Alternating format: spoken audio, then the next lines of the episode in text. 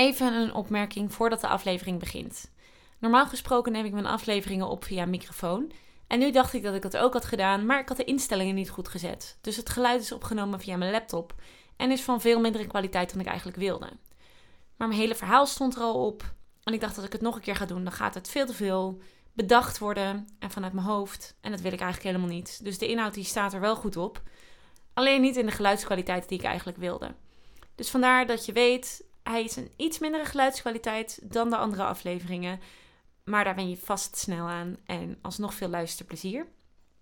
En ik wilde graag nog een opmerking toevoegen die ik ben vergeten in mijn, op, eh, in mijn eh, podcast te zetten, van de, nee, deze aflevering te zetten. Ik ben nu The Crown aan het kijken. En ik ben nog maar net begonnen bij seizoen 1. En daar is Winston Churchill speelt daar nog een grote rol in. Dus hij zit on top of mind bij mij.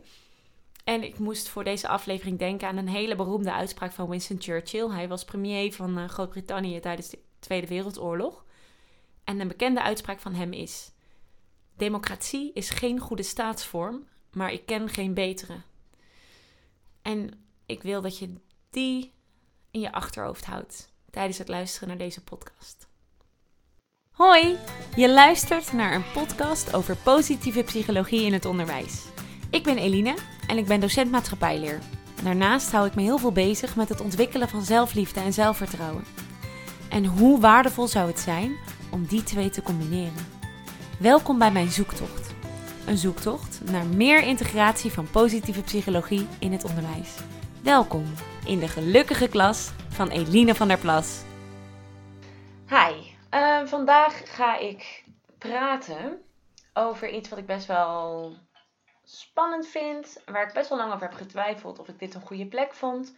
Maar waarvan ik toch dacht, ja, ik voel me toch geroepen wel om dit te doen.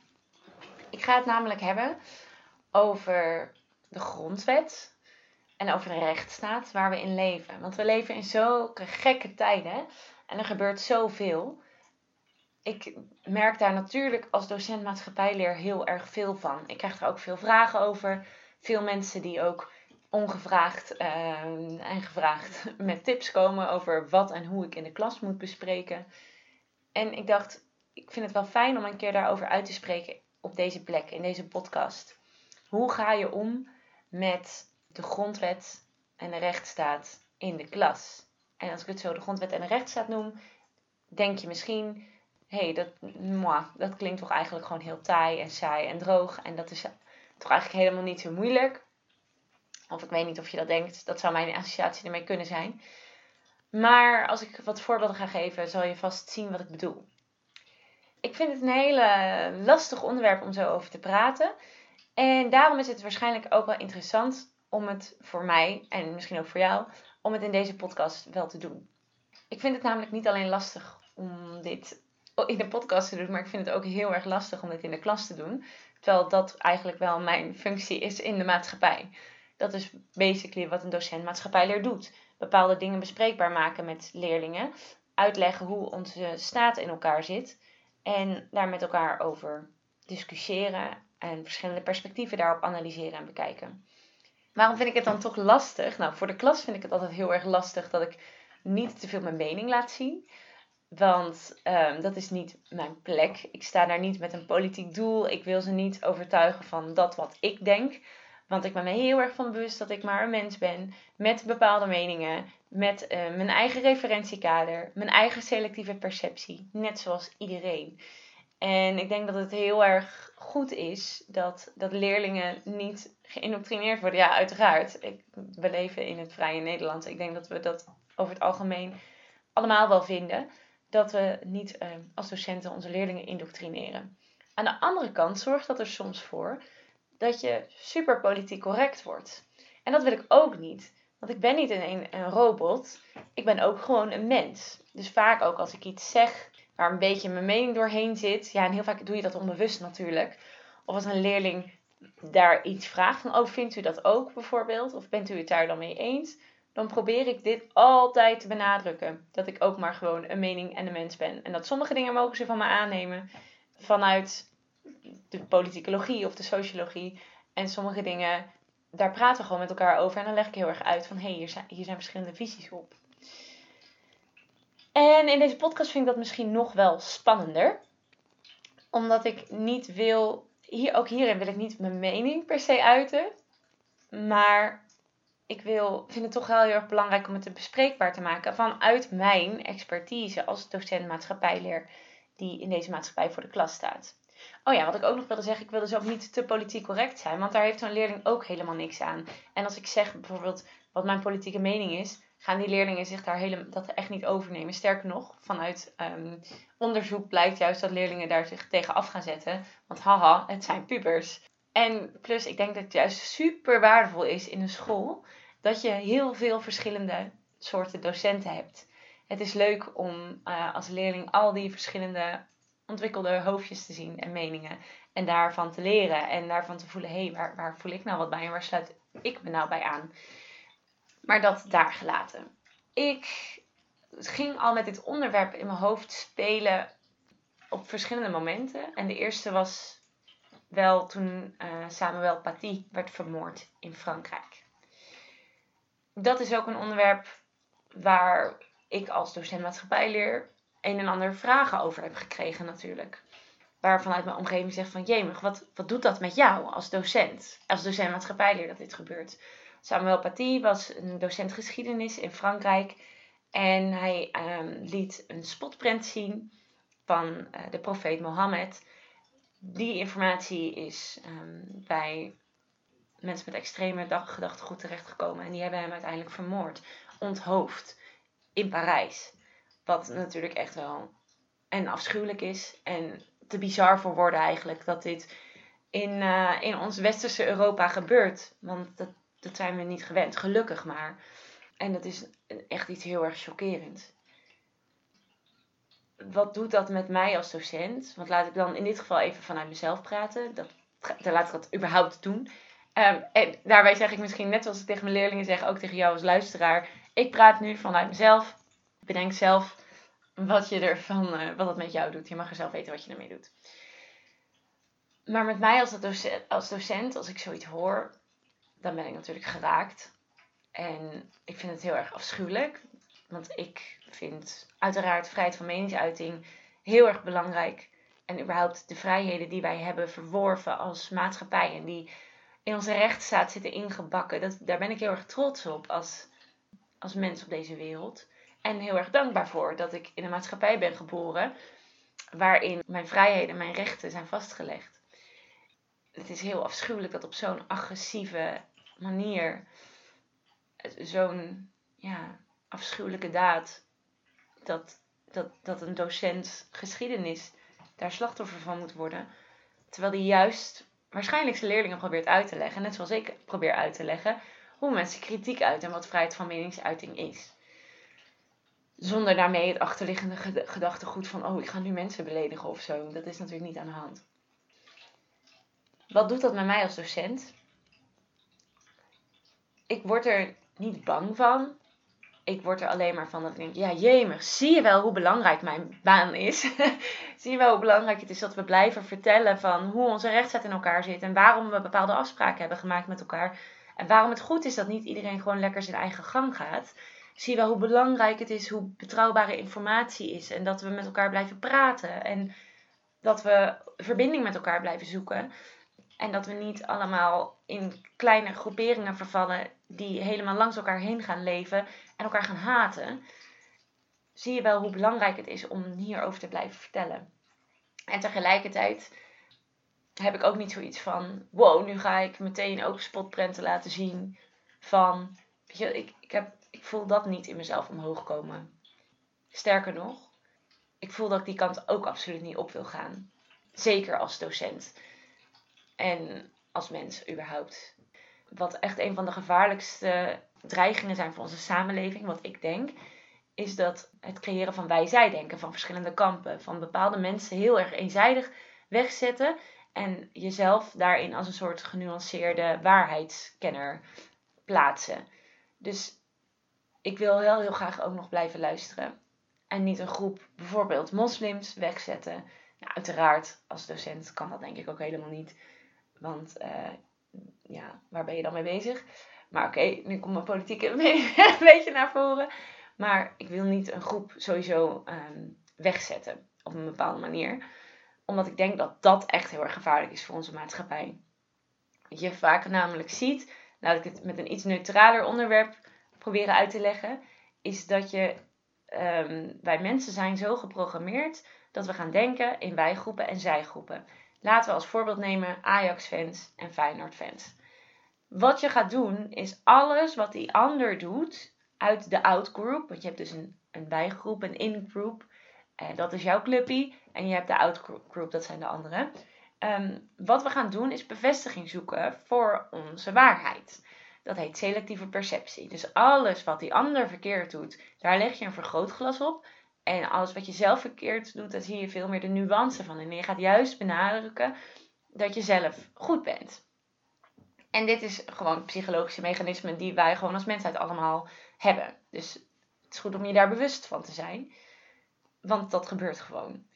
Wat er ook bij gebeurt, is dat je die andere groep heel snel weg gaat zetten als ongenuanceerd. Zeg maar eigenlijk bijna als onmenselijk. Al die nuances en die verschillen en die subtiliteiten die ons mens maakt, die leg je wel op jezelf, maar niet op iemand uit de outgroup. Dat wordt veel sneller de ander, een heel eendimensionaal begrip. Daarom is het ook zo gevaarlijk om uh, mensen uit te schelden, bijvoorbeeld. Of überhaupt ja, te dehumaniseren. Dus te beperken tot een. Of te demoniseren, te beperken tot. Zelfs al zou je zeggen: Trump is echt een clown en het is echt een gek. Natuurlijk is dat een mening die veel mensen in Europa dragen. Maar ook Trump is gewoon een mens. En als je, je kan het is moeilijk om te zeggen, alle republikeinen, alle rednecks zijn um, clowns en gekken en weet ik veel wat allemaal. Daar doe je echt een hele grote groep mensen gewoon mee tekort. Al is het iets wat wel best wel gangbaar is om te zeggen. Probeer me daar altijd wel bewust van te zijn. Om mensen dus niet te dehumaniseren. Maar in te zien gewoon welke aspecten ben je het wel mee eens en met welke aspecten ben je het niet mee eens. En tegelijkertijd ook verbinding te zoeken. We zijn allemaal mensen en we hebben allemaal ja, ook wel gezamenlijke doelen en, en gevoelens over het algemeen. Nou, dan even terug naar wat er in Frankrijk is gebeurd. Jaren geleden is er een onderzoek gedaan, of ja, jaren geleden. Ik, toen studeerde ik toevallig um, voor mijn docent maatschappijleerschap, dus het is drie, vier jaar geleden. Toen is er een onderzoek geweest in Nederland naar of docenten zich wel durfde uit te spreken voor de klas. En bepaalde taboes wel durfde te bespreken. Denk bijvoorbeeld aan homoseksualiteit. Dat is overigens ook ineens heel erg actueel hè, met die gereformeerde scholen. En de, en verklaringen die ouders moesten ondertekenen dat ze voor traditioneel huwelijk waren. Maar bijvoorbeeld homoseksualiteit, om dat te bespreken in de klas, dat bleek dat leraren dat heel moeilijk vonden. Of evolutietheorie of andere onderwerpen, zelfs bijvoorbeeld de, holocaust. En dingen zoals ehm, bepaalde kritische uitingen, vrijheid van meningsuiting, kritiek op extremisme, überhaupt eigenlijk heel veel culturele onderwerpen, politieke onderwerpen, dat docenten bang waren om dat in de klas te gaan bespreken. Ik heb daar destijds mijn onderzoekje naar gedaan. Want aan het einde van mijn opleiding moest ik een onderzoek doen samen met een medestudent over, uh, over iets. Dus je moest iets gaan bestuderen. Het, was, het lijkt een beetje op een scriptie, maar het is meer een praktijkonderzoek. Dus het is niet echt wetenschappelijk. Maar je gaat vanuit de wetenschap ga je kijken wat is er over een bepaald onderwerp bekend. En dan ga je dat toetsen in je eigen klassensituatie. En dat hebben wij destijds gedaan over dit onderwerp. Ik heb nog even opgezocht. Um, destijds was er, in, was er een onderzoek gedaan waaruit bleek dat 1 op de 9 docenten gevoelige onderwerpen vermeed. Zoals terrorisme, seksuele voorlichting, uh, homoseksualiteit. Nou, eigenlijk de voorbeelden die ik net ook al noemde. 1 op de 9 uh, docenten durfde deze onderwerpen niet naar voren te brengen. In een klassensituatie voelde zich daar onprettig of onveilig bij. Nou, niet heel onterecht natuurlijk als je kijkt wat er gebeurt en hoe dreigend situaties kunnen zijn. Dat er leraren ook daadwerkelijk nu worden bedreigd, moeten onderduiken. Ja, überhaupt de toon die wordt aangeslagen in media, berichtgeving, in het nieuws, op social media. Überhaupt in de klas, hoe er soms tegen je als docent gepraat kan worden. Dat zijn allemaal niet echt uh, ja, veilige omgevingen. Nou moet ik wel zeggen dat ik zo super heftig niet herkennen. Ik vind het vaak moeilijk wel omdat ik niemand voor het hoofd wil stoten. Ik merk dat ik dat dus ook met deze podcast vind. Ik ben, vind het soms moeilijk om een mening te uiten, omdat ik zo bewust ben dat het maar één mening is en dat ik niet de hele waarheid overzie, hoeveel ik me ook inlees. Ehm, maar bepaalde waarheidsvinding vind ik wel heel erg belangrijk. Dus ik vind het wel belangrijk om wel goed op dingen in te lezen bij goede betrouwbare bronnen. Te luisteren naar experts, omdat zij nog veel meer gelezen hebben over onderwerpen dan ik. En dit soort basisprincipes probeer ik ook aan mijn leerlingen mee te geven. Maar soms is het dus best wel moeilijk om om te gaan met je eigen mening of met überhaupt botsende meningen of hele emotioneel geladen meningen in de klas. Dus wat hebben wij toen gedaan voor ons onderzoekje? Wij hebben gekeken naar een onderwerp dat destijds heel gevoelig lag. Wat nog steeds gevoelig ligt, maar toen nog wat gevoeliger naar mijn idee. En dat is Zwarte Piet. En ik gaf destijds, liep ik stage op een, ehm, een school in Brabant. En het was echt een streekschooltje. Dus er zat een redelijk um, homogene groep zat er voor me. Die ook redelijk allemaal wel vonden, Zwarte Piet, dat hoort gewoon bij Nederland. En dat was dus voor mij als docent best, nou niet per se moeilijk, maar wel, ja, ook wel een moeilijk onderwerp om te gaan behandelen. Niet omdat ik eh, hun mening wil veranderen, maar wat ik wel heel erg belangrijk vind. En dat is moeilijk met heterogene groepen in de klas, of een homogene groep in de klas. Dus dezelfde soort uh, leerlingen met dezelfde achtergrond en dezelfde referentiekaders en ideeën. Wat lastig is, is dat je bij maatschappijleer heel graag wilt dat ze dingen van een andere kant gaan bekijken. En dat er niet wordt gezegd, ja, maar dit is toch gewoon normaal. Omdat je wil eigenlijk laten zien, normaal, dat is maar relatief. Iemand anders kan iets anders heel erg normaal vinden. En ook wat wij nu normaal vinden, is gevormd door wetenschap, door gebeurtenissen in de maatschappij, door de manier waarop onze wetten zijn uh, vormgegeven en ontwikkeld. Dus er is niet echt een standaard normaal. Maar dat is best wel moeilijk om aan te geven. Dat gaat veel makkelijker in een klas waarbij leerlingen sowieso al andere meningen hebben het moeilijke daarvan is dat leerlingen natuurlijk niet te geëmotioneerd raken. En, uh, of weet je, daaruit uh, aanvallend gaan doen. Of uh, dat iemand ondergesneeuwd wordt. Zodat de sfeer veilig blijft. Maar in een groep waarin ze allemaal weet je, hetzelfde denken, is het ook lastig om te laten zien dat er ook mensen zijn die op een andere manier over nadenken. En dat jouw manier van denken niet de enige manier van denken is in deze maatschappij. Dat bleek ook wel toen ik het onderwerp ging aansnijden destijds in de klas. kwam er inderdaad veel geëmotioneerde reactie. Uh, en dan met geëmotioneerd bedoel ik vooral ja, wat een onzin. En uh, och, ik heb echt geen zin om het hierover te hebben. Um, tot wat hardere dingen. Ze moeten niet zeiken, ze moeten maar oprotten naar hun eigen land. Sylvana Simons, uh, die de bek moest houden en weet ik veel wat allemaal. Dus er komen ook wel wat ongenuanceerdere meningen naar boven. Bij een groep pubers, dat is ook niet altijd even gek. Nou, ik zeg mijn groep pubers. Het zijn natuurlijk, als je volwassenen gebruikt, dit taalgebruik ook vaak. Maar in ieder geval, wat wij uh, toen hebben gedaan, is gekeken naar een aantal dingen. Van, we willen toch dit soort onderwerpen vinden we belangrijk om te behandelen in de klas. Maar we willen heel erg de veiligheid bewaken. Dus we hebben eerst een, opdracht gedaan in de klas en die doe ik nog steeds wel eens. En daarbij gaan we, hebben we dan leerlingen in groepjes gezet. Niet in groepjes die ze zelf kiezen, maar juist dat je een keer in een andere omgeving met andere mensen praat, waarbij je wat minder uh, het gevaar hebt, de valkuil hebt van de standaard rolverdeling in de groep die al bestaat. Want als je mensen bij hun eigen vrienden gaan zetten, dan is er toch vaak wel iemand die bijvoorbeeld de boventoon voert en waarmee iedereen meepraat. Dus dat willen we een beetje doorbreken. En vandaar dat ik dan leerlingen in aparte groepjes zet. En dan heb ik een opdracht voor ze met allerlei uitspraken die enigszins te ver gaan. En dat zijn uitspraken als bijvoorbeeld Sylvana Simons moet terug naar de Rimboe. Maar die hebben totaal niet allemaal met uh, Zwarte Piet te maken. Die hebben eigenlijk alle, met allerlei taboe doorbrekende dingen te maken. Bijvoorbeeld een uitspraak die daar ook tussen zit is... Uh, Jezus, ik heb een onvoldoende wat een kanker doet. En, uh, want het woord kanker wordt super veel gebruikt op school. En ik heb daar bijvoorbeeld persoonlijk best wel moeite mee. Maar daar gaat het dan even niet om bij die, bij die, bij die opdracht. Um, wat die grenzen zijn volgens mij. Maar ze hebben allerlei verschillende grenzen. Of, of, of, weet je wel, racistische grappen bijvoorbeeld. Maar die wel echt bedoeld zijn als grap. Mag dat dan wel? Of het woord homo gebruiken tegen je vrienden. Wat vind je daarvan? En dan moeten ze in het groepje bepalen, met elkaar gaan bespreken. Wat gaat te ver en waarom? Wanneer gaan bepaalde opmerkingen te ver? Dat moeten ze dan leggen in een stoplicht. Dus een groen, uh, oranje of rood. En groen betekent dan, dit kan je gewoon zeggen. Oranje betekent dan, dit is wel op het randje, een beetje onsmakelijk of onbeleefd. En rood betekent, dit kan je echt niet zeggen. Dit is kwetsend en dit gaat tegen, nou in dit geval de schoolregels in. Of uh, tegen überhaupt normen in de maatschappij en misschien zelfs tegen wetten.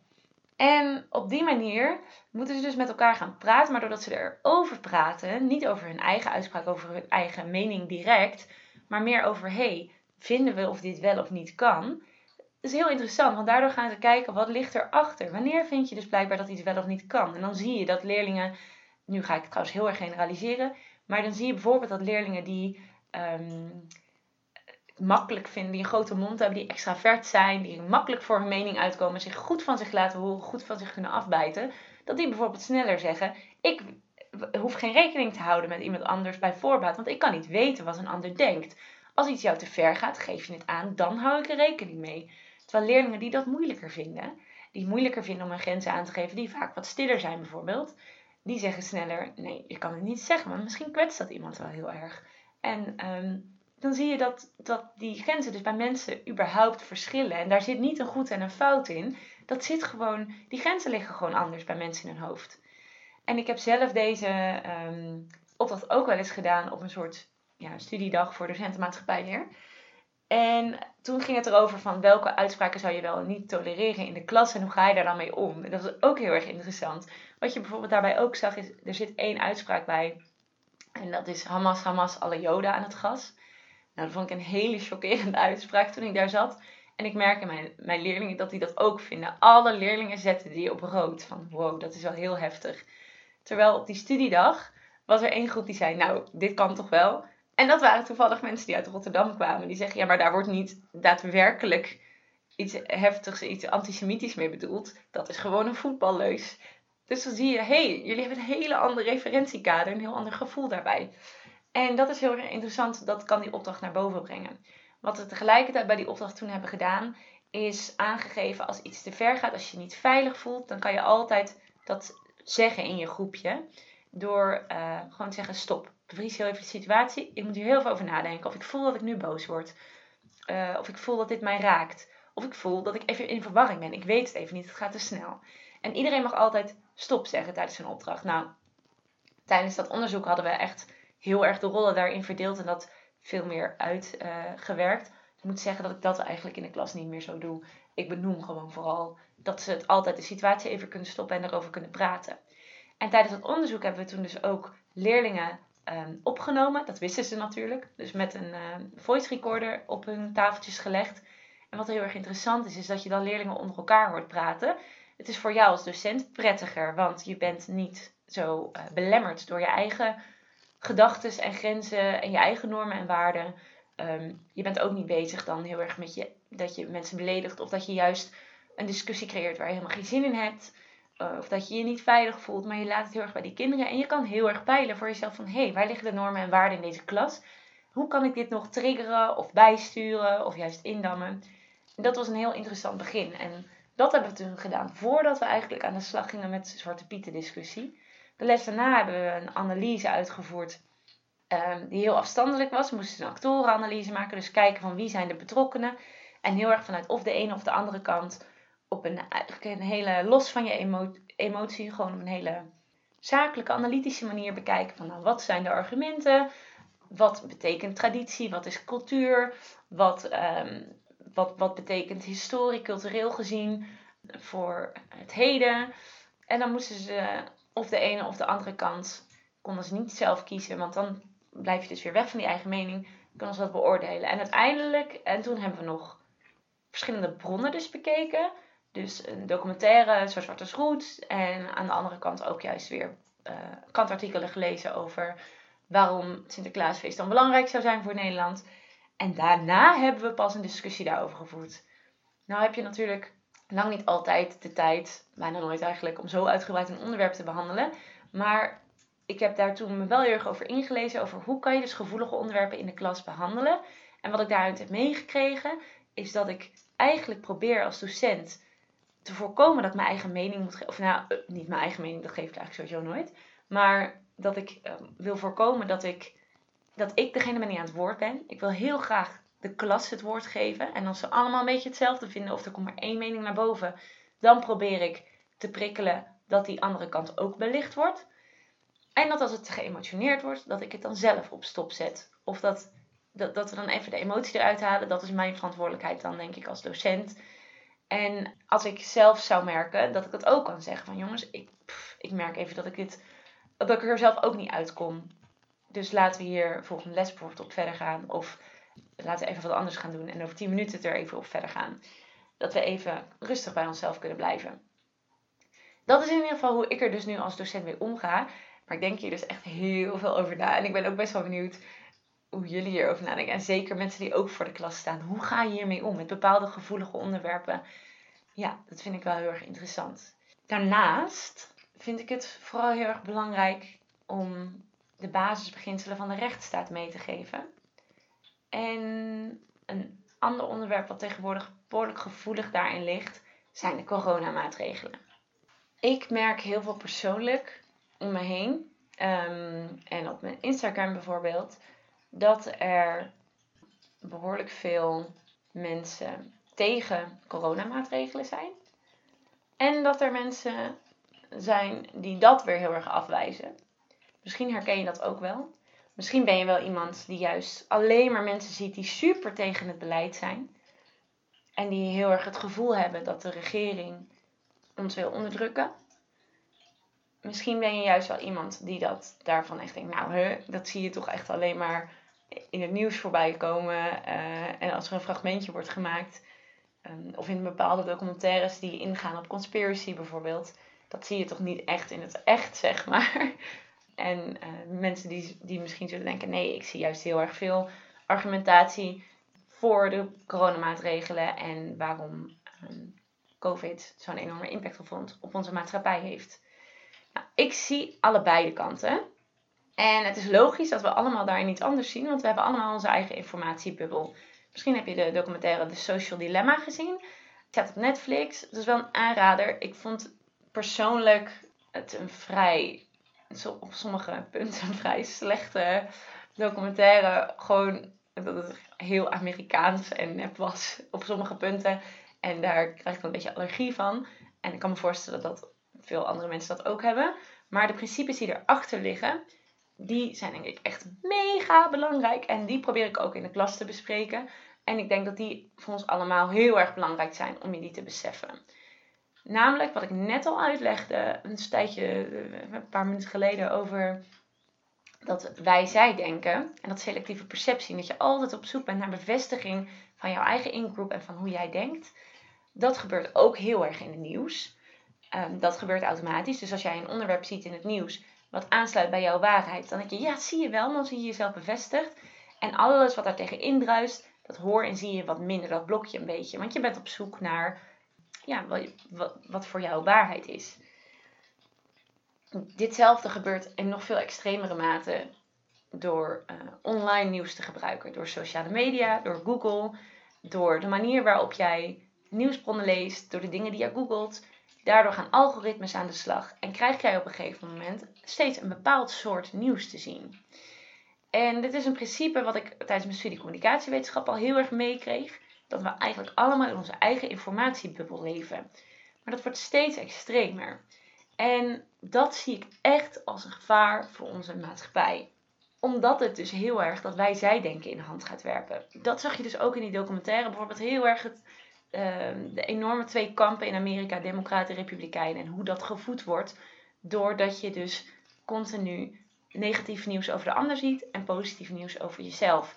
Waardoor je dus echt gaat denken van hoe kan je aan de andere kant, hoe kan dat jouw politieke voorkeur zijn?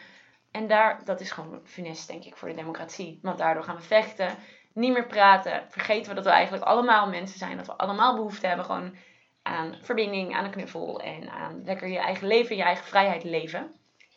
En met corona zie ik het ook veel terugkomen. Ja, daar dacht ik, ik wil graag vertellen in deze podcast wat ik daarover denk. ik merk dat ik echt heel voorzichtig ben. Ik weet, ik vind het namelijk moeilijk. Ik wil niet echt mijn eigen mening geven, omdat die aan verandering onderhevig is.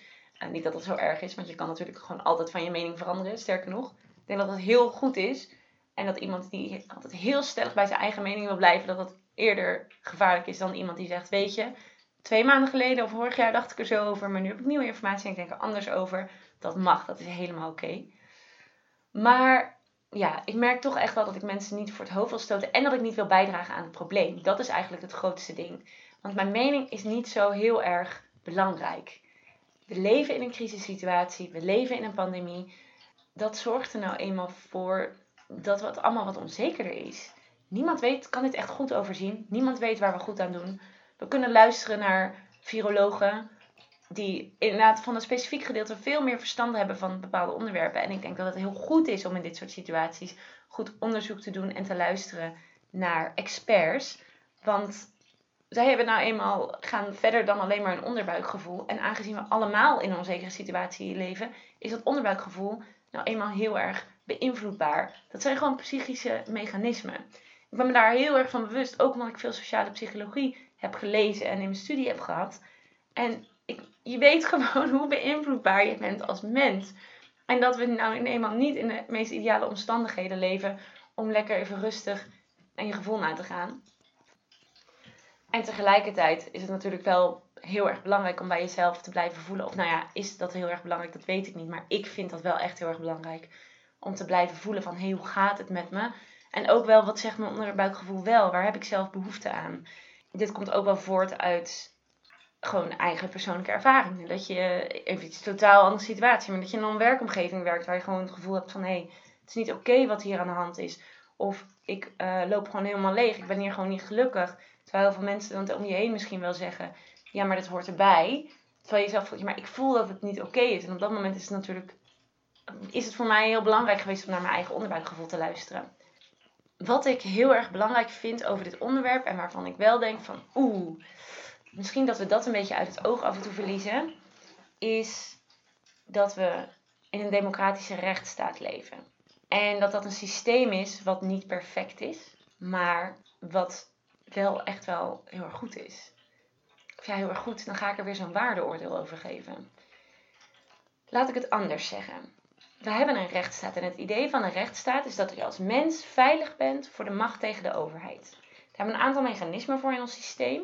Dit wordt echt een lesmaatschappij trouwens hoor. Maar daar hebben we een aantal mechanismen voor in ons systeem. En een van die dingen is de grondwet.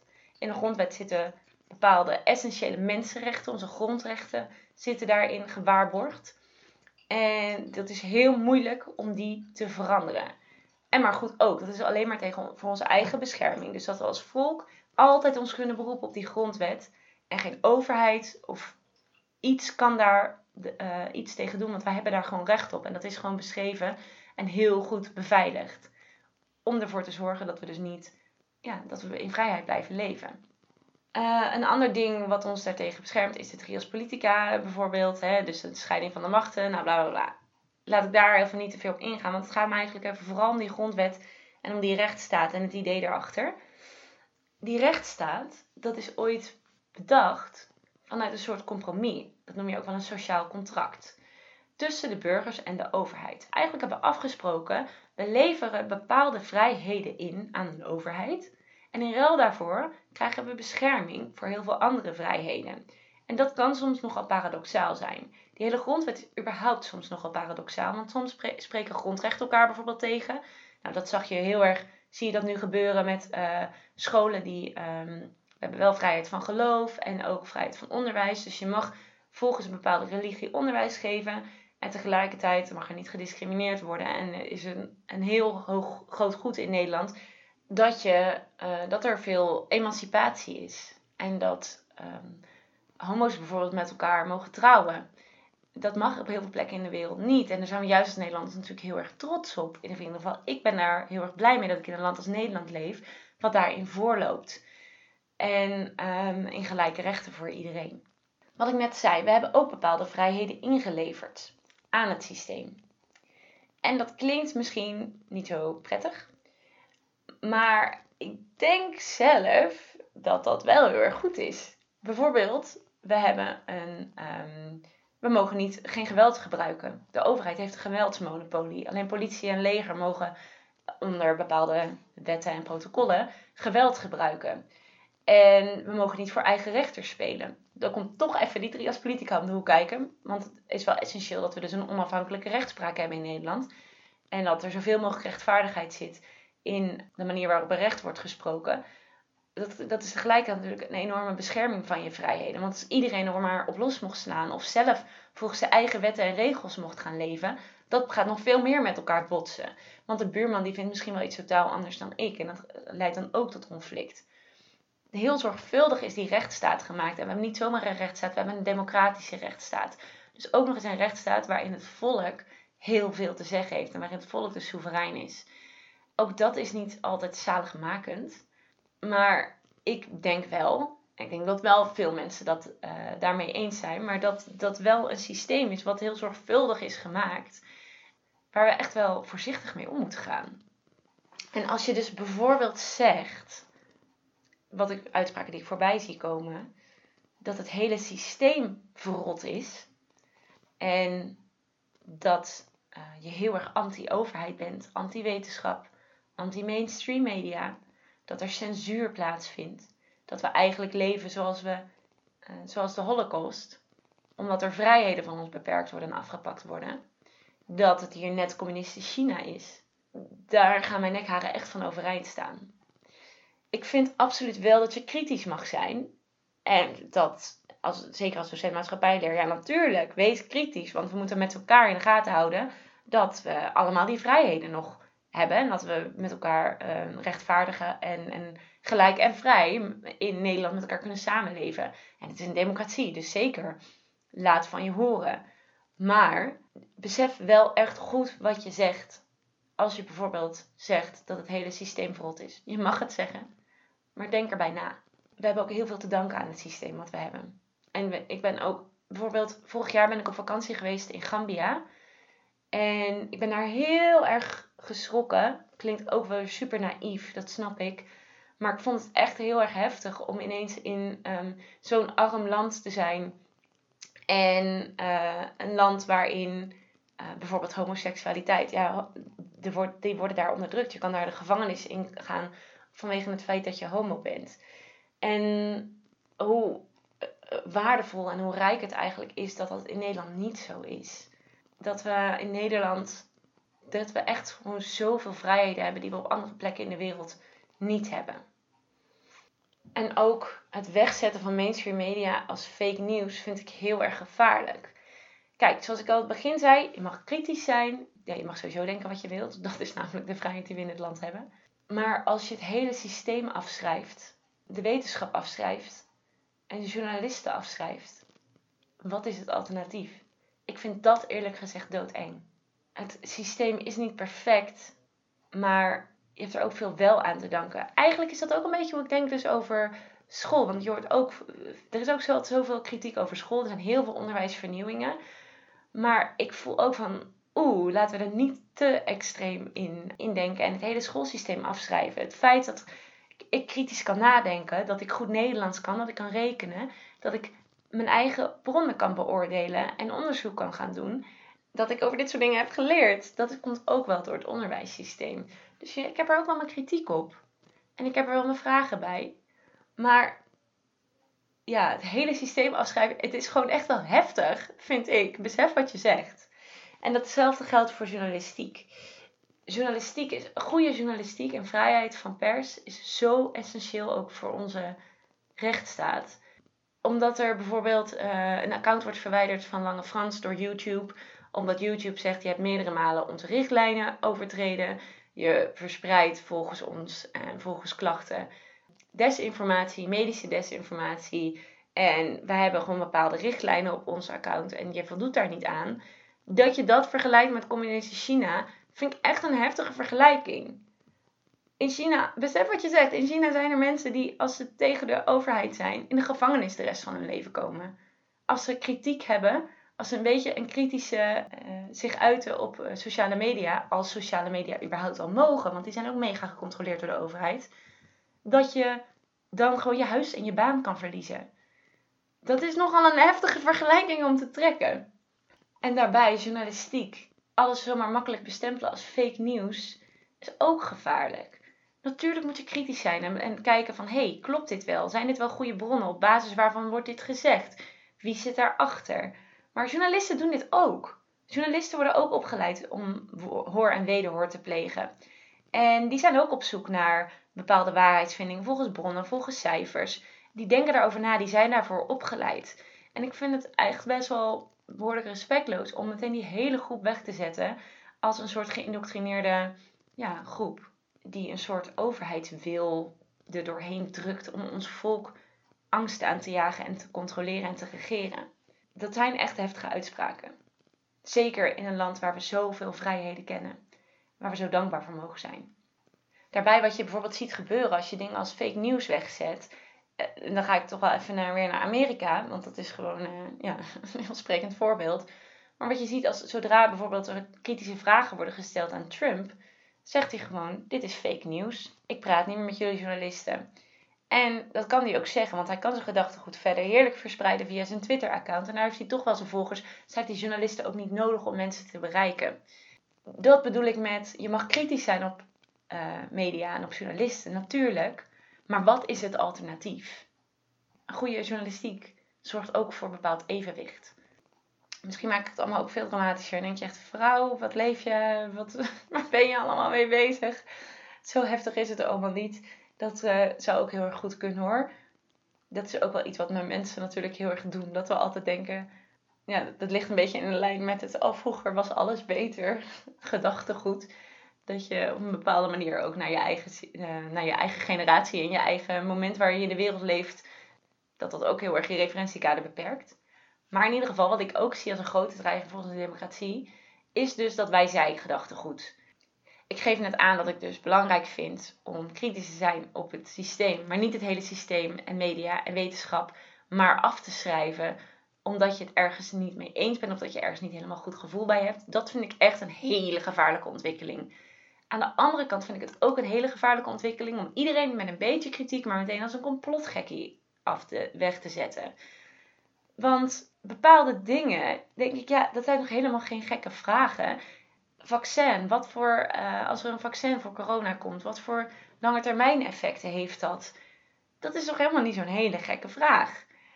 Hé, hey, de maatregelen die we zo nu hebben ingevoerd, is dat wel goed? Zeg maar, wel, hoe gevaarlijk is dat virus? En hoe gevaarlijk is het om mensen bijvoorbeeld, wij zijn allemaal sociale dieren, om zo ontzettend in isolatie te, uh, de, de maatschappij te laten leven? Is het niet heel gevaarlijk voor ons als mensen? Dat, uh, nemen de mentale klachten niet ontzettend toe en eenzaamheid? En hoe gevaarlijk is dat? Uh, bepaalde sectoren zoals de horeca of de, um, de cultuursector, überhaupt de economie, krijgt een enorme klap. Armoede, groeiend armoede, wat gaat dat doen voor de wereld? Het zijn allemaal kritische vragen die natuurlijk totaal niet gek zijn om te stellen, waar we ons volgens mij ook continu mee bezig moeten houden. Dus ik ben echt ook helemaal niet voor dat ik zeg: nee, de maatregelen zijn supergoed. Of de regering doet het altijd supergoed. Nee, helemaal niet. En sterker nog, ik denk dat het heel, ook weer heel stom is om mensen die kritisch zijn weg te zetten als gekkies. Want dat kom je een beetje terug op dat wat ik in het begin zei. Dan ga je ook een wij groep creëren waarin je andere mensen, dus de outgroup in dit geval, uh, wegzet als een gekkie. En eigenlijk dehumaniseert en vrijwaart van nuances. Terwijl je jezelf dan wel heel superieur en ja, en goed uh, doordacht uh, en intellectueel voelt. En andersom geldt natuurlijk hetzelfde. Wat ik al zei, ik, zit er, ik zie beide kampen op mijn sociale media. En ik zie beide um, argumentaties. En bij beide ben ik het bij sommige dingen eens en bij sommige dingen niet eens. Maar ik voel me ook weer heel ongemakkelijk wel bij mensen die ook kritisch zijn. En die zeggen, ja, ik ben wakker en de rest is gewoon een kudde schapen ik vind het gewoon vervelend. Ik ben geen schaap en ik ben ook geen coronagekkie. En laten we alsjeblieft stoppen met elkaar zo noemen. Want ik denk dat dat ook heel erg belangrijk is en een heel groot gevaar. Dat we dus zo gaan bij zij denken. En dat we, zoals je ziet, wat er nu gebeurt, dat politici bedreigd worden, worden opgewacht en uh, worden uitgescholden. Um, terwijl ze gewoon hun werk doen. Ja, hallo, dat is toch geen normale manier van met elkaar omgaan? Nee, dat, uh, dat lijkt mij helemaal niet um, wenselijk. En ik denk dat we juist heel erg de verbinding moeten opzoeken met elkaar. Met elkaar in gesprek moeten blijven gaan. En ik denk dat dat echt wel ieders verantwoordelijkheid is. Dus Het is een beetje een kumbaya-einde op, dit mani- op deze manier. Maar ehm, ik geloof wel gewoon echt heel erg in verbinding. En in uitkijken in welke hoekjes je elkaar plaatst. Dit was een enorme maatschappijleerles. Maar ik vond hem wel belangrijk om te geven. Ehm, ja, als je nog steeds luistert, dankjewel. Ik ben heel erg benieuwd als je zelf docent bent, hoe jij hiermee omgaat in de klas. Maar ik ben ook benieuwd als mens hoe jij omgaat met het je uitspreken over de situatie op dit moment. Ik, nog, nogmaals, ik wil dus niet per se mijn eigen mening hier naar voren schuiven. Want ik wil niet bijdragen aan de discussie. Ik wil eigenlijk, want daarmee draag je gewoon niet bij aan een oplossing. Wat ik wel vind, is dat ik dus geloof in democratie. Ik geloof in de kwetsbaarheid van onze rechtsstaat. Daarom ben ik ook docent maatschappijleer. En ik geloof er ook in dat we met elkaar verantwoordelijk zijn op de manier waarop we met elkaar omgaan. Dit klinkt echt heel belerend. Maar dat is wel wat mijn mening is. En die mening wilde ik wel uitdragen, want die mening draagt denk ik wel bij aan een oplossing. Poeh, wat een zwaar onderwerp. Ik ben blij dat, ik, uh, dat het erop staat. En dat ik me hier heb over uitgesproken. Want ik voelde de hele tijd heel erg onrust van hoe moet ik dit nou gaan vertellen en moet ik dit wel vertellen. Maar nu ik het heb gedaan, voel ik me er blij over. Laat weten wat je ervan vindt. Bijvoorbeeld op mijn Instagram account eline.van.der.plas. En ja, ik ga even lekker iets luchtigs doen. Even een rondje wandelen buiten of zo. Even mijn hoofd leegmaken. Bedankt voor het luisteren. Tot de volgende keer.